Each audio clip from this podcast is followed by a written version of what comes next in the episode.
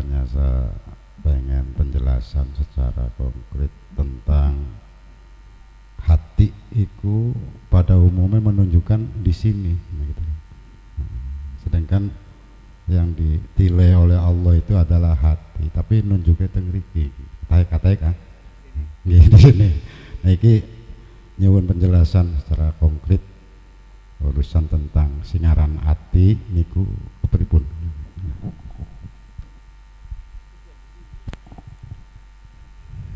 begini.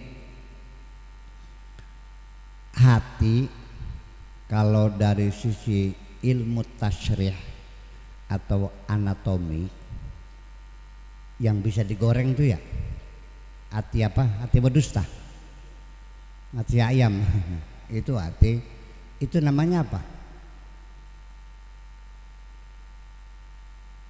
Bukan itu. Sebetulnya mah yang namanya kita merasa sedih merasa bukan di sini di sini. Sekringnya nih di sini ya.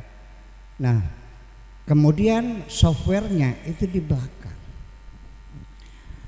Nah makanya kita melihat bahwa kalau Bapak baca baca apa namanya komputer itu ada software, ada hardware.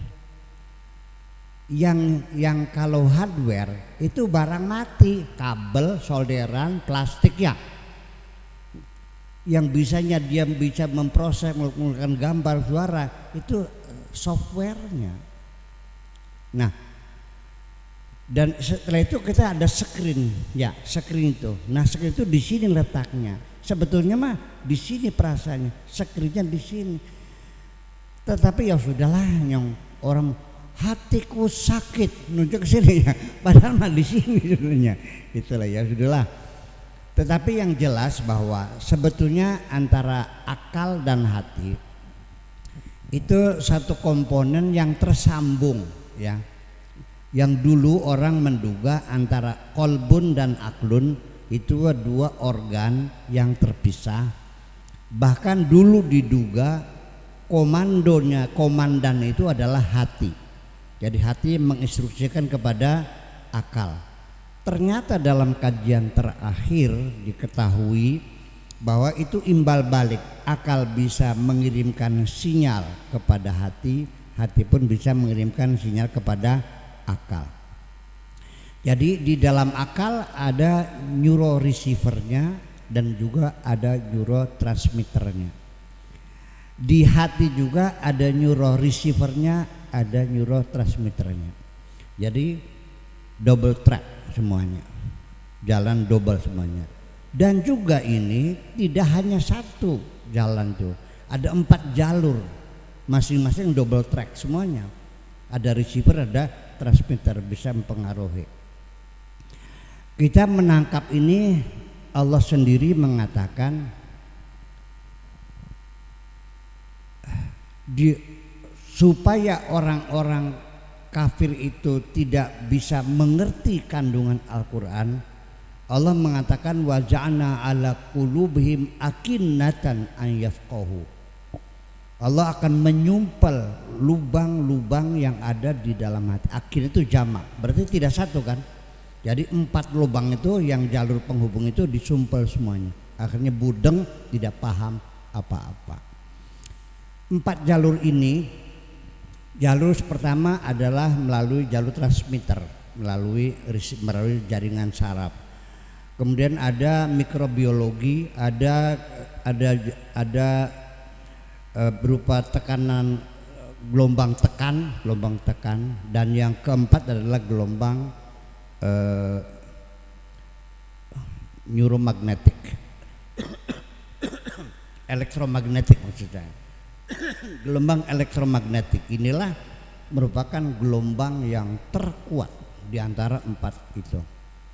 Dan ya, okay, okay, untuk Pak Pak Ustadz Lili ini kalau kita bisa menguasai nanti kalau Anda belajar hmm, cuci otak atau sebagai ada apakah itu brainwashing, apakah propaganda, apa persuasi itu adalah nanti intinya kita bermain di gelombang elektromagnetik menghubungkan antara akal dan hati ini. Kita cuci bersih otak orang itu. Dan kita bisa mensugesti juga lewat itu. Nah, inilah makanya jadi tidak tidak semudah itu punten ini mah Pak polisi ya Pak Polsek. Jadi kita menjelaskan saja artinya uh, karena saya mah tujuannya bukan lagi menerangkan keilmuan di penghujungnya saya buktikan dengan segala macam ilmu supaya anda yakin Allah itu hebat. Percaya nggak? Kita kembali lagi sebagai apa closing aja ya. Tuhan bagaimana kita bisa merasakan adanya Tuhan? Tahu enggak bahwa otak anda yang bekerja ini sesungguhnya itu yang bekerja adalah akal yang sadar akal sadar ini hanya merupakan 5% saja dari kerjanya akal bawah sadar atau dalam bahasa Arabnya al aklu la wa'yi, akal tidak sadar. Jadi semua kerja tubuh kita ini yang mengendalikan adalah otak otak kita. Otak kita yang sadar yang 5% itu sedikit sekali kerjanya, hanya kepada yang kelihatan mata. Kita mau telepon orang. Pak Guru Lili, pejet keluar L I L I nomornya set kita mau minum bergerak sebatas ini tetapi bagaimana sel-sel yang rusak miliaran sel dalam tubuh diganti dengan sel yang baru otak sadar kita tidak bekerja yang bekerja otak bawah sadar siapa yang menidurkan kita otak bawah sadar Siapa yang membangunkan kita otak bawah sadar? Siapa yang mengeluarkan keringat dari tubuh ketika udara panas otak bawah sadar? Otak sadar kita tidak bekerja di bidang itu. Artinya kita ini diberi keis oleh Allah sudahlah kamu gak usah repot-repot dah lu mikirin yang ada aja sedikit aja deh kalau kamu mikirin bagaimana memanjakan rambut bagaimana mengeluarkan keringat nggak bakal nyampe Percaya enggak? Jadi artinya bahwa apa itu bekerja? Enggak mungkin ada sesuatu bekerja sendiri. Dan cara bekerjanya otak kita, tubuh kita ini tidak mungkin akan bekerja tanpa ada sistem yang bekerja. Betul enggak? Mungkin enggak mesin hitung bisa bekerja dua kali dua pejat empat nongolnya betul nggak Ah, tiga kali tiga pejat luarnya berapa? Sembilan. Dua belas kurangi dua pejat luarnya tidak mungkin akan bekerja secara matematis kalau tidak ada sistem, betul nggak? Berapa kali sehari kita buang air? Berapa kali kita kencing? Berapa banyak kalori yang kita makan dari makanan itu? Mana Kang Usman mana? Bulannya masih 400 ya? mudah-mudahan hati-hati aja lah ya ya awet-awet ya insya Allah saya banyak teman sampai umur 80 90 kena gula juga sehat kok asal menjaga karena ini penyakit degeneratif. Nggak ada obatnya. Tidak ada obatnya kecuali kita kembali pada pola hidup yang yang sehat. Karena degeneratif itu adalah kerusakan organ kerja metabolisme. Serepnya nggak ada. Kalau mobil bisa diganti kelakernya kalau nggak bisa tinggal hati-hati aja. Jangan banyak makan-makan yang bukan gula. Kan gitu. Toh kita sehat dan yang paling efektif itu puasa. Itulah efektif menurunkan gula ini. Kenapa kolesterol itu gula itu kok selalu angkanya di tengah dalam sehat. Kalau kolesterol itu 160 180. Kalau sudah 200 itu sudah sinyal gawat ya. Udah kalau kurang 100 itu juga gawat juga. Siapa yang menjaga keseimbangan ini? Kadar kolesterol kadar gula setelah makan akan naik sekian. Nanti kalau lapar turun sekian. Selalu dalam berimbangan sampai umur kita lanjut umur kita sekian puluh tahun dan itu bekerja. Siapa yang mengatur makanan-makanan yang kita cerna dihisap masuk ke dalam darah dipompa oleh jantung bus bus bus mengalir ke sekolah dan menyebarkan energi. Berapa banyak kalori yang dibutuhkannya? Ini kerja mesin raksasa kalau pakai kabel kayak kayak ini mesinnya 10 Jawa ini. Kerja metabolisme manusia kerja visual manusia kalau pakai selang pakai kabel kayak kayak 10 Jawa mesinnya. Saraf yang nggak kelihatan mata bekerja semuanya itu. Dan dia pakai sensor-sensor otomatis Kang Usman. Kalau paling ini masih belum kena gula belum ya? Mudah-mudahan jangan ya. Udah gak usah pikirin yang penting jaga pikiranmu yang tenang yang damai jangan sampai ada kerusakan sensornya.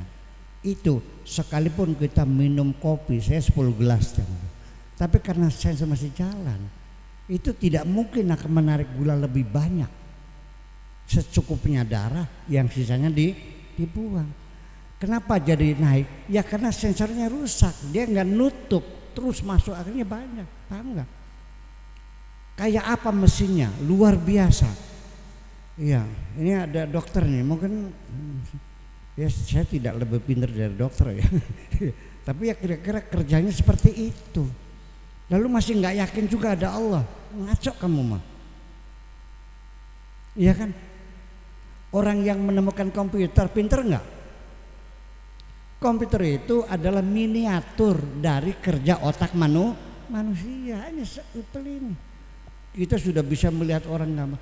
Kalau komputer, kalau kita ingin membuka file lama, hanya satu halaman. Kalau file baru, ini buang dulu, baru new tab lagi kan begitu. Betul, betul ya. Buang lagi. Otak kita semuanya dibuka dari sejak kita lahir sampai sekarang terbuka di depan kita ini. Hebat nggak?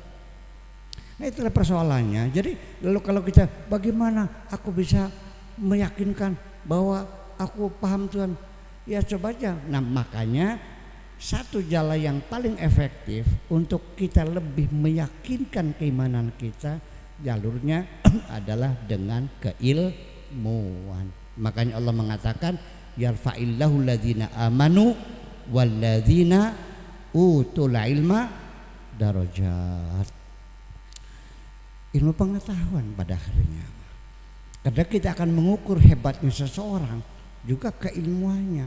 Dan kita bisa memahami sesuatu dengan keilmuan. Makanya yarfa'illahu ladzina amanu Allah akan mengangkat orang-orang yang beriman walladzina utul ilma dan orang yang berilmu darajat. Jadi artinya semakin ilmu kita tinggi maka derajat keimanan kita juga semakin semakin tinggi.